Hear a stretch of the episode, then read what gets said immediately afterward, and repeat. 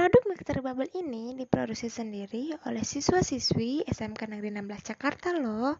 Bagaimana menurut kalian tentang videonya? Nah, menurut kalian, media iklan apa sih yang cocok untuk mempromosikan mixer bubble ini? Inilah produk buatan kami SMK Negeri 16 Jakarta. Terima kasih.